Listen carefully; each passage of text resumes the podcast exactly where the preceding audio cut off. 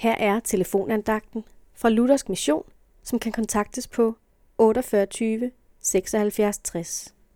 Andagtholderen i dag er Hanne Rasmussen. Æderkopper er normalt ikke noget, jeg glædes over. Især ikke, hvis de er ret meget større end en knapnålshoved.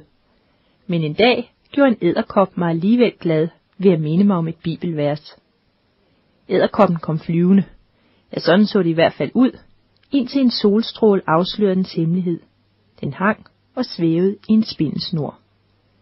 Æderkommen havde vundet en færdighed og en frihed, den ellers ikke ville have haft, hvis ikke det var for snoren, der umiddelbart kunne synes at binde den.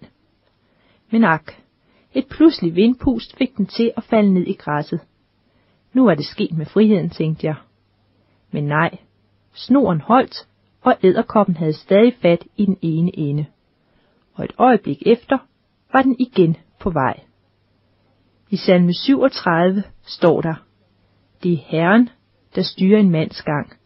Han styrker ham og glæder sig over hans vær. Når han snubler, falder han ikke, for Herren støtter ham. Vores spindelsnor er Gud.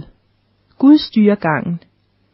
Indimellem går livet måske ekstra hårdt på, og der kommer kraftig vindpust, og vi snubler. Vi gør ting mod Guds vilje. Men Gud holder ved, og hvis vi ikke slipper taget i Gud, så har han lovet, at vi ikke falder om kul, men kan rejse os igen, støttet af ham. At Gud er der, afsløres for os i Guds ord. Ligesom æderkoppens snor var usynlig, indtil lyset ramte den, sådan kan Guds nærvær være gemt. Men når vi lader lyset fra Bibelen komme til, så ser vi Gud, og vi ser, at han holder fast ved os. Amen.